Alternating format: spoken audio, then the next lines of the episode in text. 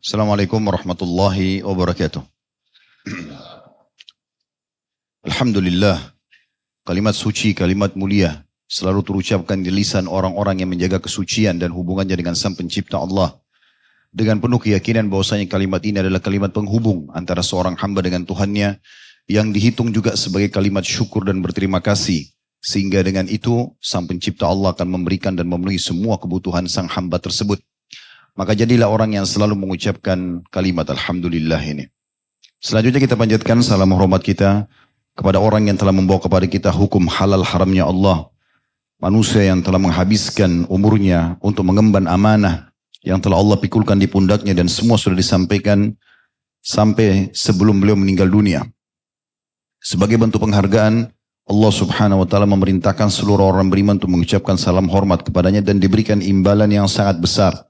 Karena dengan satu kali salam hormat kepada manusia terbaik ini akan dibalas dengan sepuluh kali rahmat dan rahmat Allah meliputi segala sesuatunya. Pemenuhan kebutuhan, pengampunan dosa, solusi dari permasalahan, semua masa, masuk dalam lingkup rahmat Allah subhanahu wa ta'ala. Maka sangat wajar setelah memuji Allah Alhamdulillah kalau kita selalu mengucapkan salawat dan taslim kepada Nabi besar Muhammad sallallahu alaihi wa ala alihi wa sahbihi wasallam.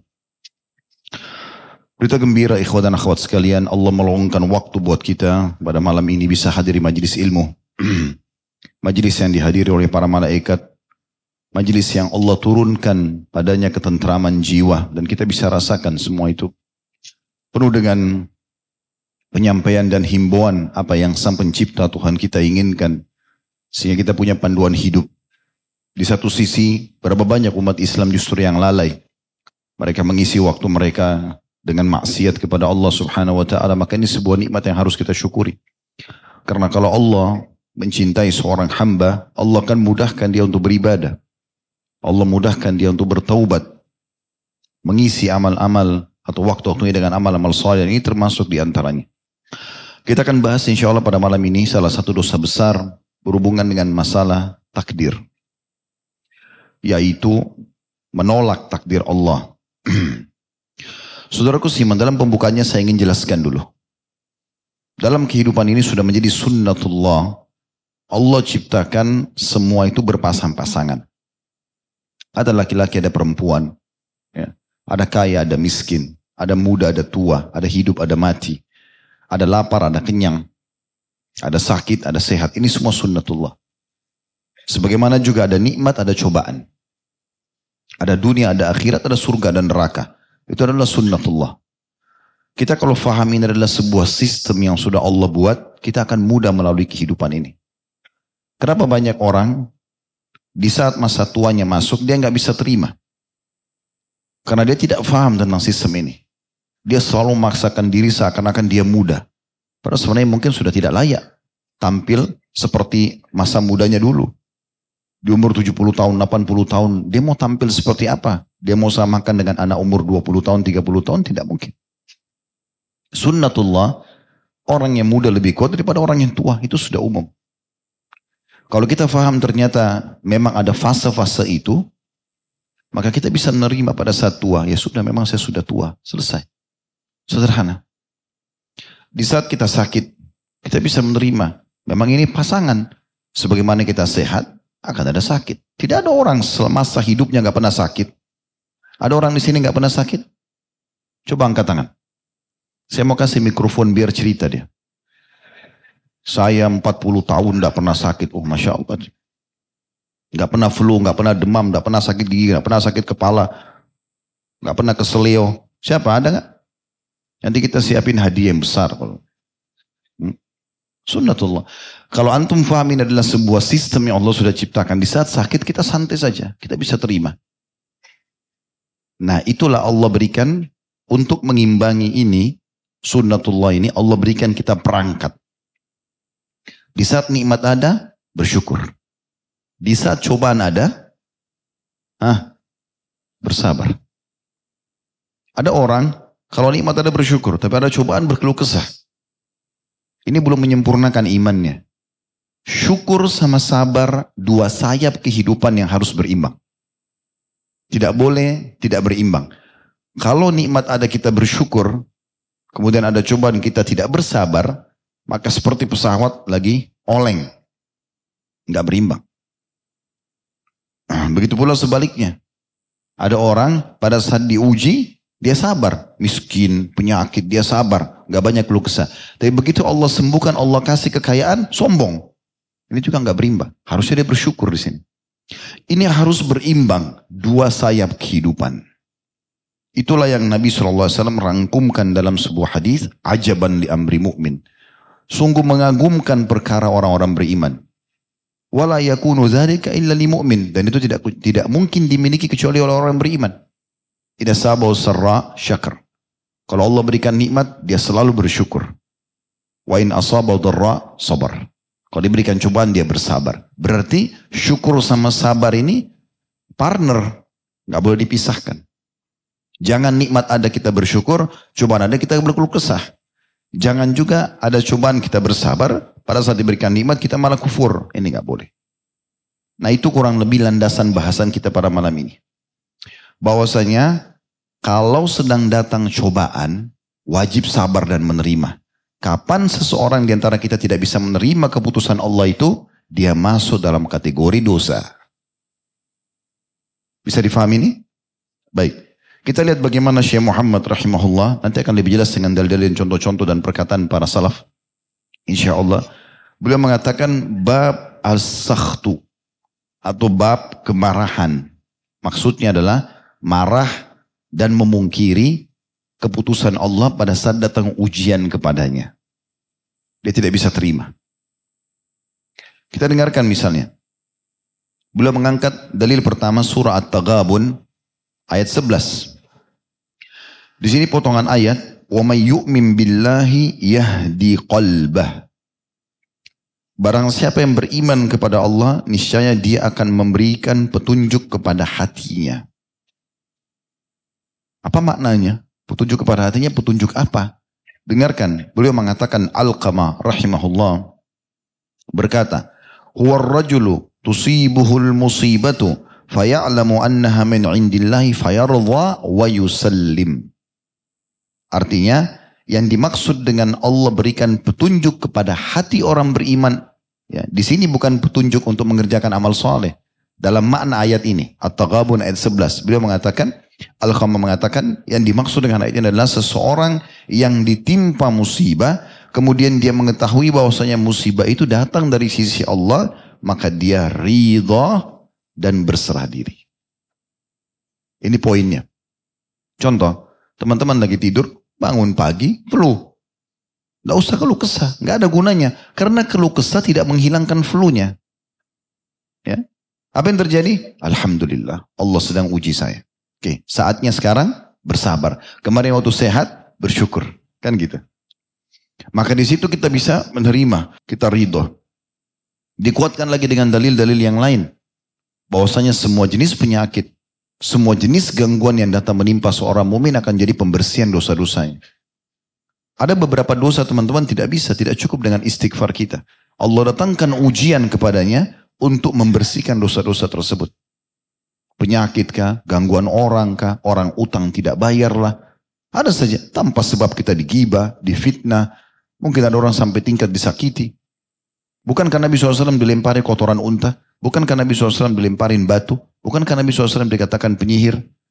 Sampai Nabi SAW mengatakan siapa pun di antara kalian tertimpa musibah, ingat musibahku, maka akan meringankan musibah dia. Artinya beliau saja utusan Allah, dijaga oleh para malaikat, Allah awasin langsung, masih dilempari kotoran, masih dikatakan penyihir, ada ujiannya.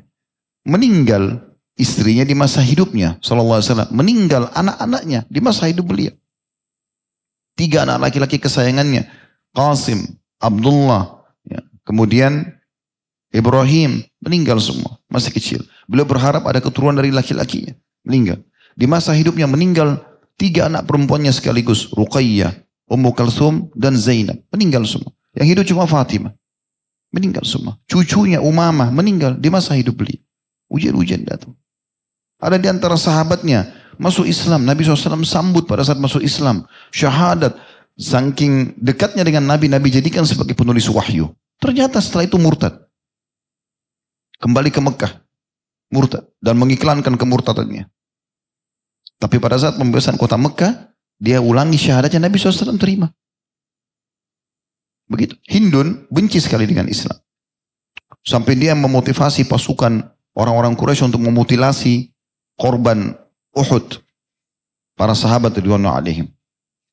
Pembahasan kota Mekah, Nabi SAW memberikan syarat jangan ada yang dibunuh kecuali sembilan orang. Maksud dalamnya Hindun. Tapi pada saat dia tahu berita itu, Hindun menyelip-nyelip masuk di antara wanita. Kemudian dia masuk dalam majelis tersebut, dia ingin dengar, Nabi ini sampai apa sih sebenarnya? Kok sampai pada tingkat semua orang jazirah Arab beriman kepadanya? Maka Nabi ingatkan, saya membaiat kalian wahai para wanita. Tidak boleh berzina, tidak boleh bunuh anak kalian, tidak boleh ini dan itu. Waktu disebut tidak boleh berzina, di Mekah dulu ada tradisi orang yang berzina itu hanya budak-budak. Kalau wanita bebas tidak mungkin berzina. Itu aib besar bagi mereka pada saat itu. Maka Hindu nyeletuk. Dia bilangnya Rasulullah, apakah wanita bebas juga berzina? Dia tidak sadar, dia ngomong. Nabi SAW lihat, Nabi bilang Hindun, Hindun ini harusnya dibunuh. Maka dia langsung bilang, Asyhadu an la ilaha illallah wa anna Muhammad Rasulullah. Syahadat langsung. Apa yang terjadi? Nabi marah, Nabi bilang dia bohong, enggak. Nabi SAW senyum menyambut keislamannya. Karena bagi beliau yang penting hidayah. Nabi SAW bisa gitu. Jadi jangan antum baru digibah dengan satu orang, baru dua orang, sudah satu dunia tahu beritanya. Sakit flu satu kampung tahu kalau dia sakit. Kenapa? Kenapa nggak bisa nerima keputusan Allah SWT? Kalau orang lihat sakit, iya sakit. Tapi kita iklanin ke orang untuk apa? Sabar. Karena puncak pahala di situ. Ini bahasannya. Ya. Jadi makna surat Taghabun ayat 11 kata Al-Qamah adalah yang dimaksud dengan siapa yang beriman kepada Allah, Allah akan berikan petunjuk hatinya adalah seseorang yang ditimpa musibah lalu dia mengetahui bahwasanya musibah itu dari sisi Allah lalu dia ridho dan berserah diri. Seburuk apa pun yang sedang menimpa dia. Yang paling pertama dia lakukan adalah menerima keputusan Allah itu. Dengan bersangka baik. Nanti akan lebih jelas, step by step antum ikutin, insya Allah nanti akan lebih faham. Ada riwayat yang diangkat oleh beliau. Kalau tadi perkataan Al-Qamah ditulis sini diambil dari tafsir Ibnu Jarir. Dalam tafsirnya jadi 28 ayat eh, halaman 123. Dari Anas radhiyallahu anhu hadisnya, dia berkata, Rasulullah SAW bersabda, Inna Allah idha habba qawman ibtalahum, faman radiyya falahu ridha, wa man sakhita fa'alaihi sakhtu. Rawahu Tirmidzi wa hassanahu. Sesungguhnya Allah bila mencintai satu kaum, maka Allah akan menguji mereka. Kalau datangkan penyakit, gangguan orang. Bayangkan ya, kalau Allah cinta pada satu kaum, Allah datangkan ujian. Nanti kita jelaskan apa hikmahnya. Sesungguhnya jika Allah mencintai satu kaum, maka Allah menguji mereka. Barang siapa yang ridho dengan ujian itu, tadi bangun tidur sakit, ya, Jalan lagi ke selio, digibah oleh orang, difitnah oleh orang, ada yang curi uangnya dan segala macam. Dia ridho, ya sudah ini berarti keputusan Allah SWT. Sambil ikhtiar tentunya. Tapi dia menerima itu keputusan Allah. Maka baginya ridho. Allah akan ridho dengan dia, maksudnya Allah akan berikan dia jalan keluar, Allah akan berikan gantinya. Dan ini saksi bahasannya. Dan siapa yang marah, maka baginya murkah. Marah nggak bisa terima. Kok saya sakit sih? Kok hujan sih? Kok macet sih? Semuanya keluhan. Lo sekarang kalau dia ucapin begitu memang hilang tiba-tiba. Kan tidak mungkin. Kok bisa sendal saya dicuri? Terus dengan dia ucapin itu sendalnya kembali? Kan tidak. Ujian sedang datang. Ingat, passwordnya sabar. Sebagaimana kalau nikmat ada, bersyukur. Makin jelas ya. Sekarang dengarkan perkataan para salaf. Kita akan coba lihat Di antaranya perkataan Ibnu Mas'ud radhiyallahu anhu. Statement yang luar biasa. Beliau mengatakan, terjemahnya kurang lebih, sesungguhnya Allah Ta'ala dengan keadilannya dan pengetahuannya. Allah Ta'ala, yang maha tinggi dengan keadilan dan pengetahuannya telah menjadikan kegembiraan dan kebahagiaan di dalam keyakinan dan ridho. Dan Allah telah menjadikan rasa gunda dan sedih berada pada keraguan dan ketidakridoan. Saya ulangi lagi, Allah dengan keadilan dan pengetahuannya telah menjadikan kegembiraan dan kebahagiaan dalam keyakinan dan ridho. Artinya kalau antum diuji sakit, diganggu orang, antum bisa menerima, Allah akan buat antum gembira dalam hidup. Karena antum meridho menerima itu. Tapi ingat ya, keridoan dalam permasalahan seperti ini tetap ikhtiar. Sakit berobat. Bukan berarti, udahlah ini keputusan Allah sudah, saya sabar tidur aja, sembuh ya, sembuh nggak sembuh ya sudah. Enggak, bukan begitu. Ya. Nabi SAW mengatakan, Allah tidak turunkan penyakit kecuali Allah datangkan obat bersamanya. Maka berobatlah wahai hamba-hamba Allah. Nabi SAW suruh berobat. Nabi SAW dijanjikan akan menguasai khaybar. Pada saat pulang dari kesepakatan Hudaybiyah. Tapi Nabi SAW bukan duduk manis di Madinah, tiba-tiba orang Khaybar menyerahkan diri. Tidak, beliau bentuk pasukan, beliau datang, mengepung sampai 40 hari lebih, kelingking beliau kena anak panah Yahudi, ada beberapa sahabat yang jadi korban, gitu kan. Baru beliau menembusnya. Ada ikhtiar. Tapi yang sedang kita bahas garis bawah adalah awal datang cobaan tersebut, terima dulu. Sebagaimana kalau nikmat ada kita terima. Ini ciri khasnya orang Islam. Ini ciri khas orang mukmin. Abu Muawiyah al-Aswar mengomentari firman Allah subhanahu wa ta'ala dalam surah An-Nahl. Surah nomor 16 ayat 97. Yang kurang lebih terjemahannya, maka sungguhnya akan kami berikan kepadanya kehidupan yang baik. Ini ayat yang bagus tentang orang-orang beriman ya. Saya coba bacakan lengkap ayatnya. Man amila salihan min dzakarin aw unsa wa huwa mu'minun falanuhyiyannahu hayatan thayyibah wa lanajziyannahum ajrahum bi ahsani ma kanu ya'malun. Barang siapa yang mengerjakan amal saleh, semua ketaatan yang Allah perintahkan, Baik laki-laki maupun perempuan dalam keadaan dia beriman. Syaratnya itu. Iman dan amal soleh harus diikuti dengan iman. Kalau tanpa iman tidak diterima. Maka sungguhnya akan kami berikan kepadanya kehidupan yang baik. Dan sungguhnya akan kami beri balasan kepada mereka dengan pahala yang lebih baik dari apa yang telah mereka kerjakan. Garis bawahi di sini firman Allah Subhanahu wa taala tentang potongan maka sesungguhnya akan kami berikan kepadanya kehidupan yang baik. Orang yang beramal soleh dan beriman akan diberikan kehidupan yang baik. Hayatan tayyibah. Apa yang dimaksud di sini? Kata Abu Muawiyah al-Aswar, rahimahullah beliau mengatakan, yang dimaksud dengan ayat ini adalah ridho dan rasa kana'ah, menerima apa pun keputusan Allah. Itu yang dimaksud dengan kehidupan yang bagus atau baik. Artinya, kalau sedang ada nikmat, dia bersyukur. Sedang ada cobaan, dia bersabar. Nah, itu berarti dia diberikan kehidupan yang baik. Subhanallah saya selalu terinspirasi dengan kisah Urwah bin Zubair rahimahullah. Beliau anaknya Zubair bin Awam, sahabat Nabi yang mulia, salah satu dari sepuluh yang jamiah surga. Ini Urwah ulamanya tabi'in. Satu waktu pernah kakinya diamputasi karena penyakit yang menimpanya. Dan pada saat itu, bersamaan dengan anak pertamanya laki-laki, yang dia persiapkan untuk menggantikan dia menjadi ulama, hafal Al-Quran, hafal banyak hadis, meninggal juga. Orang-orang banyak takziah ke rumahnya. Ada orang yang mengatakan sabarlah, ya, anakmu mendahului ke surga, gitu kan? Butuh juga dengan anggota tubuhmu, maksudnya kakinya yang diamputasi. Semua orang mengucapkan kata-kata, Urwa sambut dengan senyum.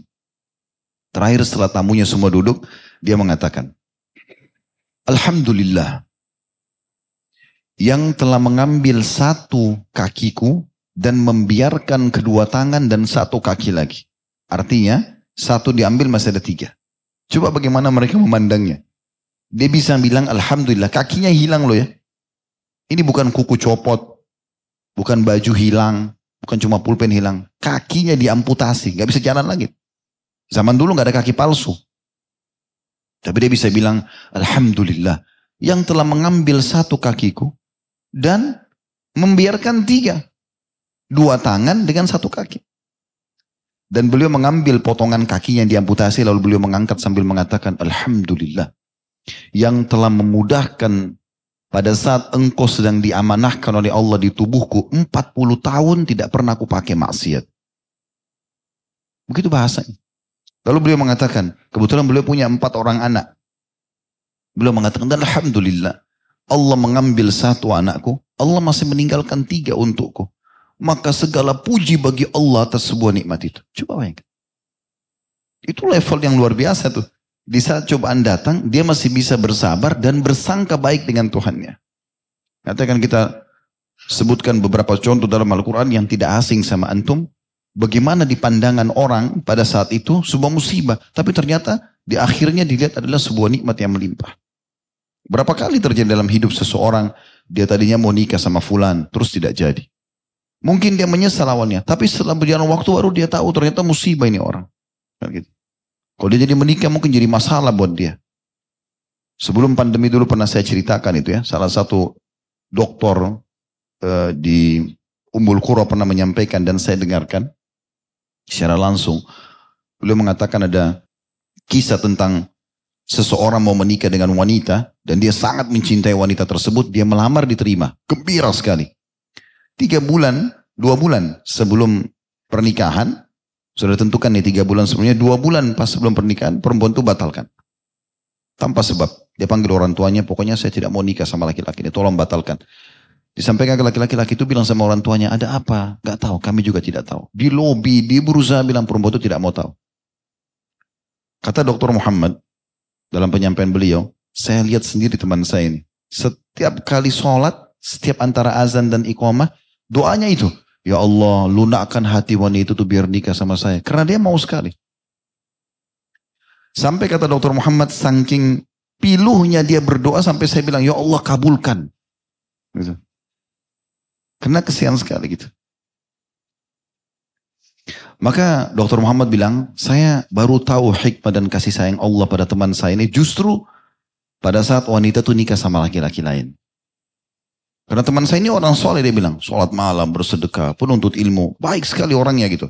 Apalagi dalam ibadah dia, dalam doanya dia betul-betul menghadirkan hatinya, memohon kepada Allah.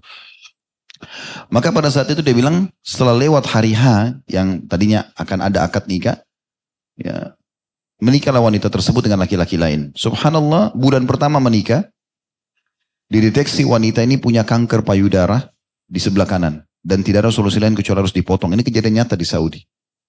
Jadi baru satu bulan nikah tidak ada payudaranya satu. Kemudian bulan kedua, ternyata kanker itu sudah menyebar di payudara yang kedua, maka harus dipotong juga.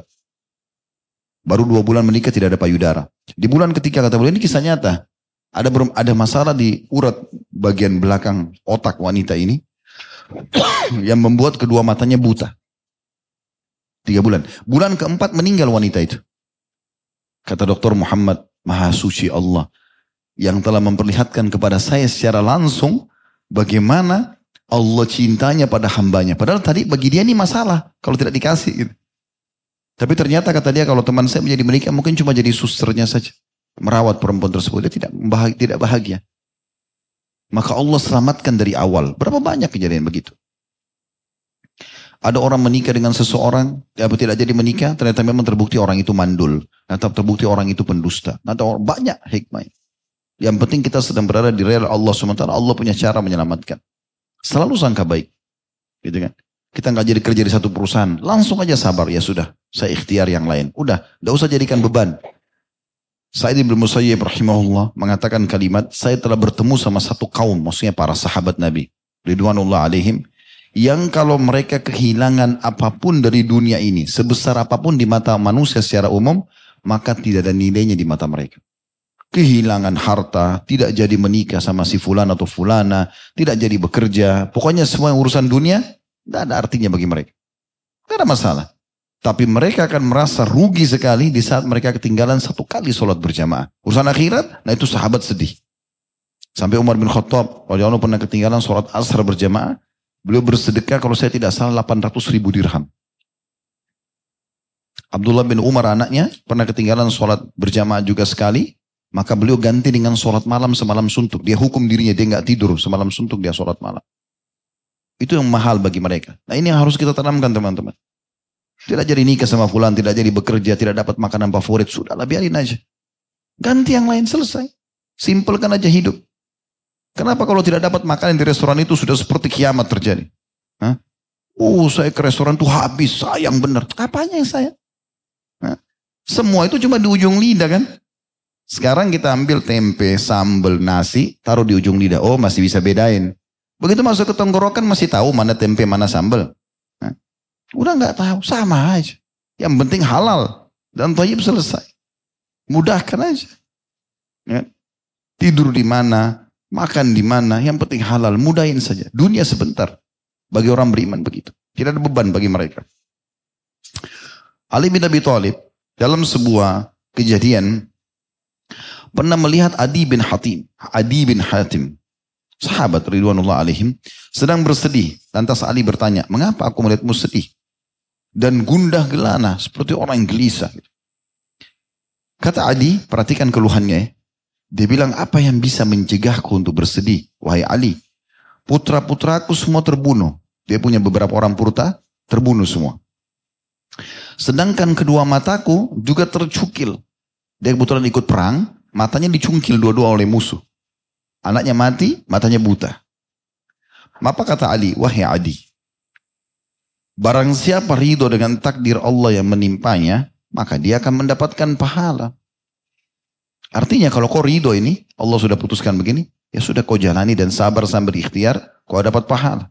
Karena gunda gelisah, keluh kesah, tutur kata yang keluar yang tidak jelas, nggak menjadikan solusi. Nggak hidup lagi anaknya, nggak bisa kembali lagi matanya, kan begitu. Barang siapa yang wahai adi, barang siapa yang ridho dengan takdir Allah yang menimpanya, maka dia akan mendapatkan pahala. Namun barang siapa yang tidak ridho dengan takdir Allah, maka pahala amalnya akan hilang. Abu Darda berkata radhiyallahu anhu, pada saat dia mengunjungi seseorang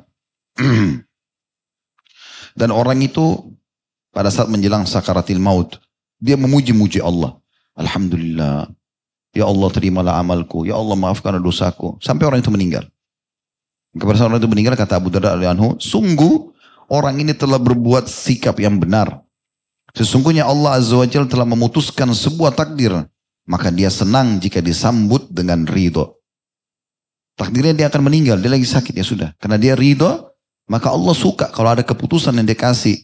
Baik itu dalam bentuk nikmat disyukur atau cobaan dia bersabar, maka Allah suka itu diterima.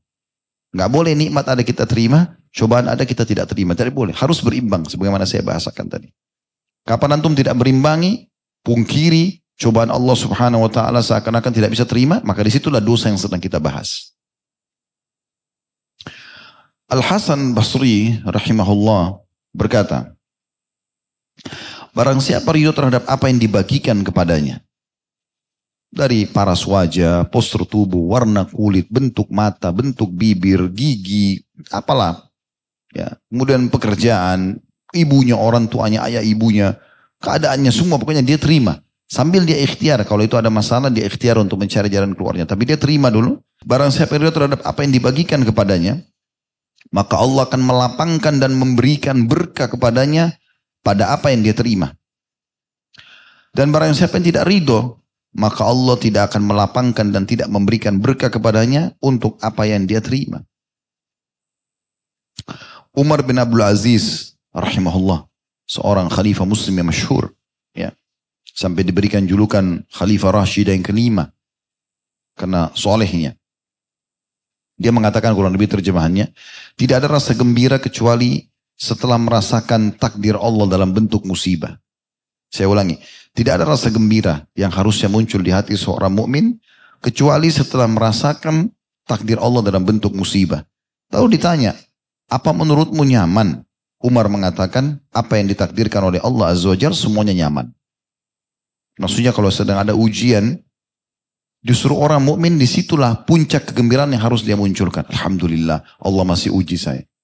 Ada bahkan sebagian salaf teman-teman, kalau berlalu satu tahun tidak ada ujiannya, dia malah bersedih. Ada apa nih? Kok saya tidak diuji sama Allah? Apakah sakit? Apa gangguan orang? Karena dia merasa Allah kalau cinta Allah akan uji. Tadi saya janji akan sebutkan hikmahnya. Subhanallah saya lupa. Hikmahnya adalah kalau musibah sedang datang, cobaan sedang datang teman-teman. Yang pertama adalah kita akan menyadari kalau ada Tuhan Allah yang mengatur kita. Karena kita mau nggak mau harus sakit pada saat itu. Harus ya terjatuh pada saat itu. Harus ditipu pada saat itu. Kita nggak bisa menghindar. Kan sering kali kalau orang nipu kita bilang, kok bisa ya dia lakukan? Kok tega ya? Tapi sudah terjadi. Allah datangkan sebab-sebabnya. Sebagai ujian bagi dia. Hikmahnya adalah kita jadi tahu kita punya Tuhan dan dengan itu kita mudah kembali kepadanya. Ya Allah, kembalikanlah. Ya Allah, mudahkanlah. Yang pertama. Yang kedua, orang kalau ditimpa musibah, ini adalah jalan yang paling pintas kalau saya bahasakan jalan tol untuk berada di atas ketaatan. Orang kalau lagi sakit, lagi ada ujian, susah buat maksiat. Orang buat maksiat itu pada saat lagi lapang. Lagi tenang, gak ada pekerjaan, gak ada tugas, ya udah ke karaoke, ke diskotik, buat maksiat, sibuk dengan tontonan gitu kan.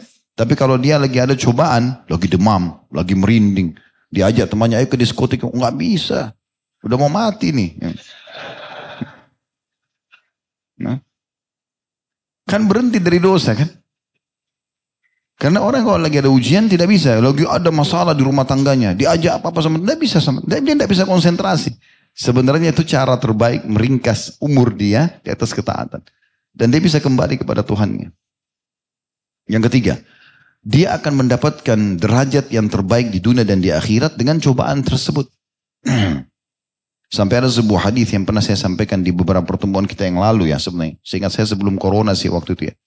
Kita ingatkan lagi hadis Nabi SAW bahwasanya ada orang-orang nanti hari kiamat diberikan pahala melimpah. Maaf. Jadi diberikan pahala yang melimpah sampai orang di sekitarnya cemburu. Kenapa? Karena ujian-ujian yang datang di dunia dan menurut mereka bersabar. Maka orang yang di sekitarnya semua berharap dikembalikan ke dunia untuk digunting-gunting kulit mereka. Kan sakit itu digunting kulit. Tapi mereka yang melihat nanti pahala yang melimpah bagi orang yang sabar di dunia, pahala yang dikasih hari kiamat, istana, dayang-dayang, macam-macam fasilitas yang dikasih, yang dia tidak bisa dapat karena dia sedang tidak diuji yang sama, dia berharap kembali ke dunia untuk digunting-gunting kulitnya, yang paling menyakitkan sebagai ujian. Baru kemudian dia meninggal untuk dia panen pahalanya. Jadi ada derajat, ada pahala yang tidak bisa dijangkau kecuali dengan ujian. Memang sudah begitu. Ada derajat di surga, butuh 100 tahun sholat malam, butuh 100 tahun puasa, butuh 100 tahun zikir. Umur kita cuma 60. Allah datangkan penyakit 10 tahun. Penyakit diabetes, penyakit ini, penyakit itu. Saya pernah duduk dengan seseorang sudah tua, sepuh di pengajian datang. Lalu dia mengatakan, Ustaz saya ini punya penyakit ini, punya penyakit itu, punya saya lagi ke Jakarta nih dari Semarang dari mana gitu saya mau apa berobat di Jakarta dia bilang. Tapi saya lihat dengan mata kepala saya, orang ini sehat. Maksudnya betul ada keluhannya.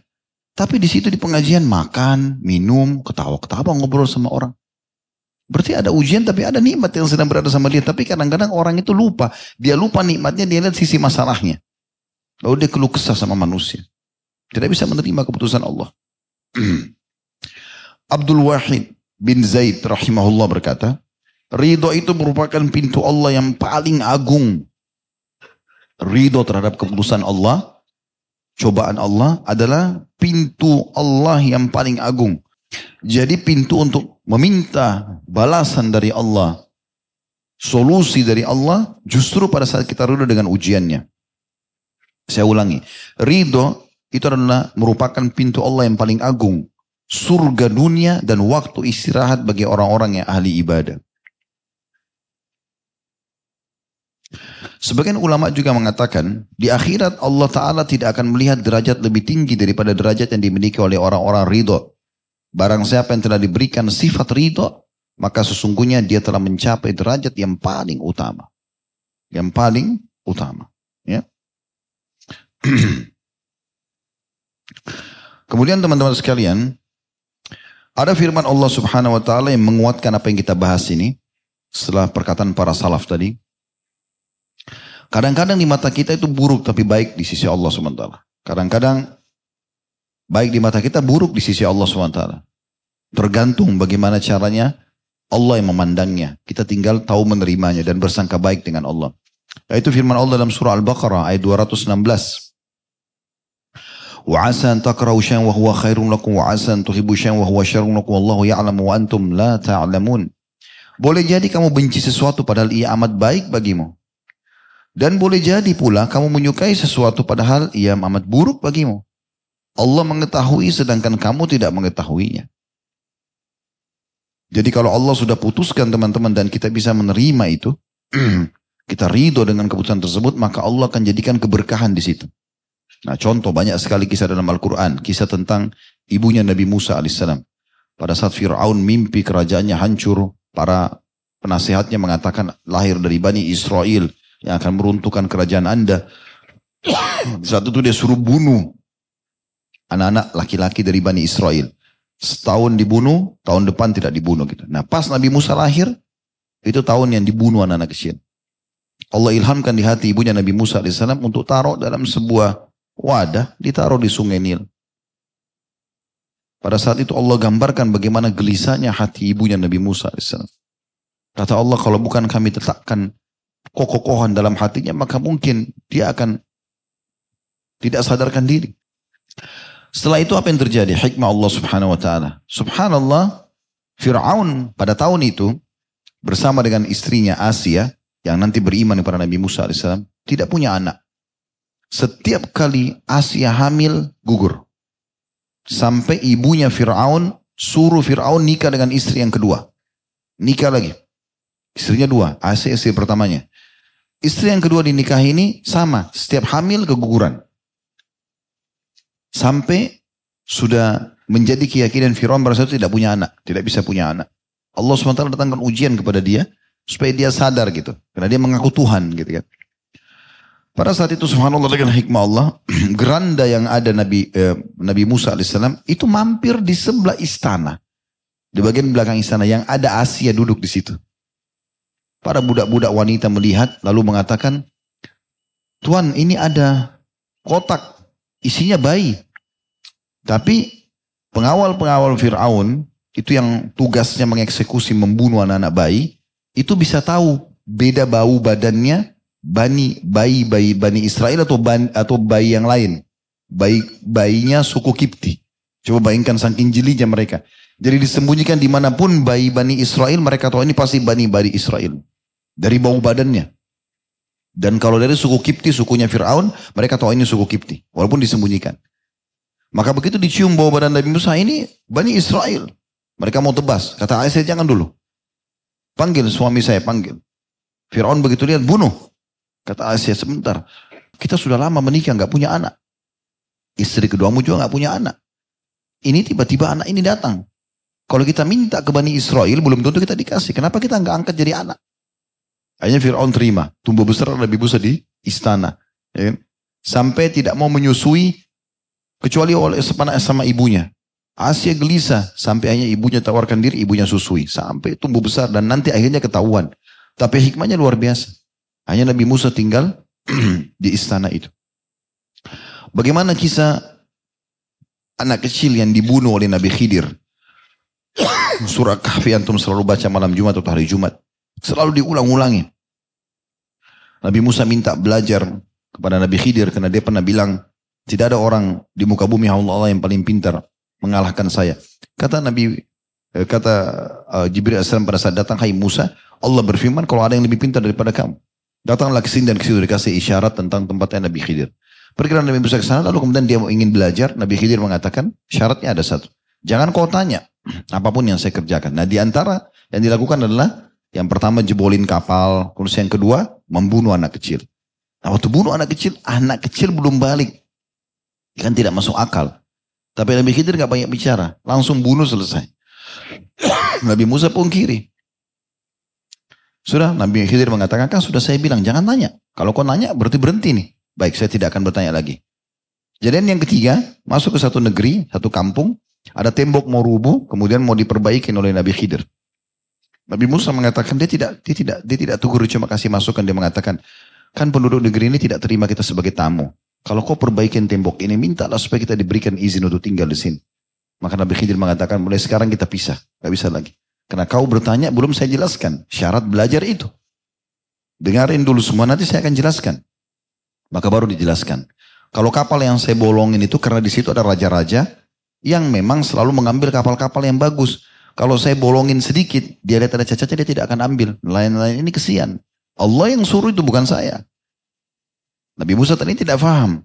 Kemudian anak kecil yang saya bunuh, karena anak kecil ini, nanti kalau dia besar dia akan ajak orang tuanya kufur. Sementara ibu bapaknya orang saleh. Maka Allah perintahkan saya membunuhnya. Saya tidak berdosa karena Allah yang suruh anak kecil ini meninggal belum balik dan ayah ibunya akan digantikan anak yang saleh. Kalau tembok itu saya tidak minta balasan karena memang Allah yang suruh di bawah tembok itu ayah anak tembok itu pemiliknya anak yatim. Ayahnya untuk meninggal menanamkan harta di situ buat mereka. Jadi saya perbaikin tuh jangan sampai tembok itu rubuh, masyarakat berebut harta karun itu. Nanti kalau mereka sudah balik, baru Allah rubuhkan, mereka akan ambil hak mereka. Jadi hikmah-hikmah yang luar biasa terjadi di situ. Banyak sekali terjadi. Nah ini, dan ada sekian banyak kisah teman-teman sekalian berhubungan dengan masalah-masalah hal ini. Tapi ketahuilah, semua itu pasti dengan hikmah Allah subhanahu wa ta'ala, tinggal bagaimana kita bisa menerimanya. Allah wa'alam. Baik teman-teman sekalian, ini bahasan kita. Semoga insya Allah bisa diambil manfaat darinya. Dan sekali lagi mungkin kita ada uh, libur dua kali pertemuan insya Allah. Saya harap teman-teman tetap semangat. Jangan kendor ya. Insya Allah di akhir bulan kita ketemu lagi. Subhanakallah wa bihamdika. Asyadu an la ilaha illa anta astaghfiruka wa atubu ilaih. Wassalamualaikum warahmatullahi wabarakatuh.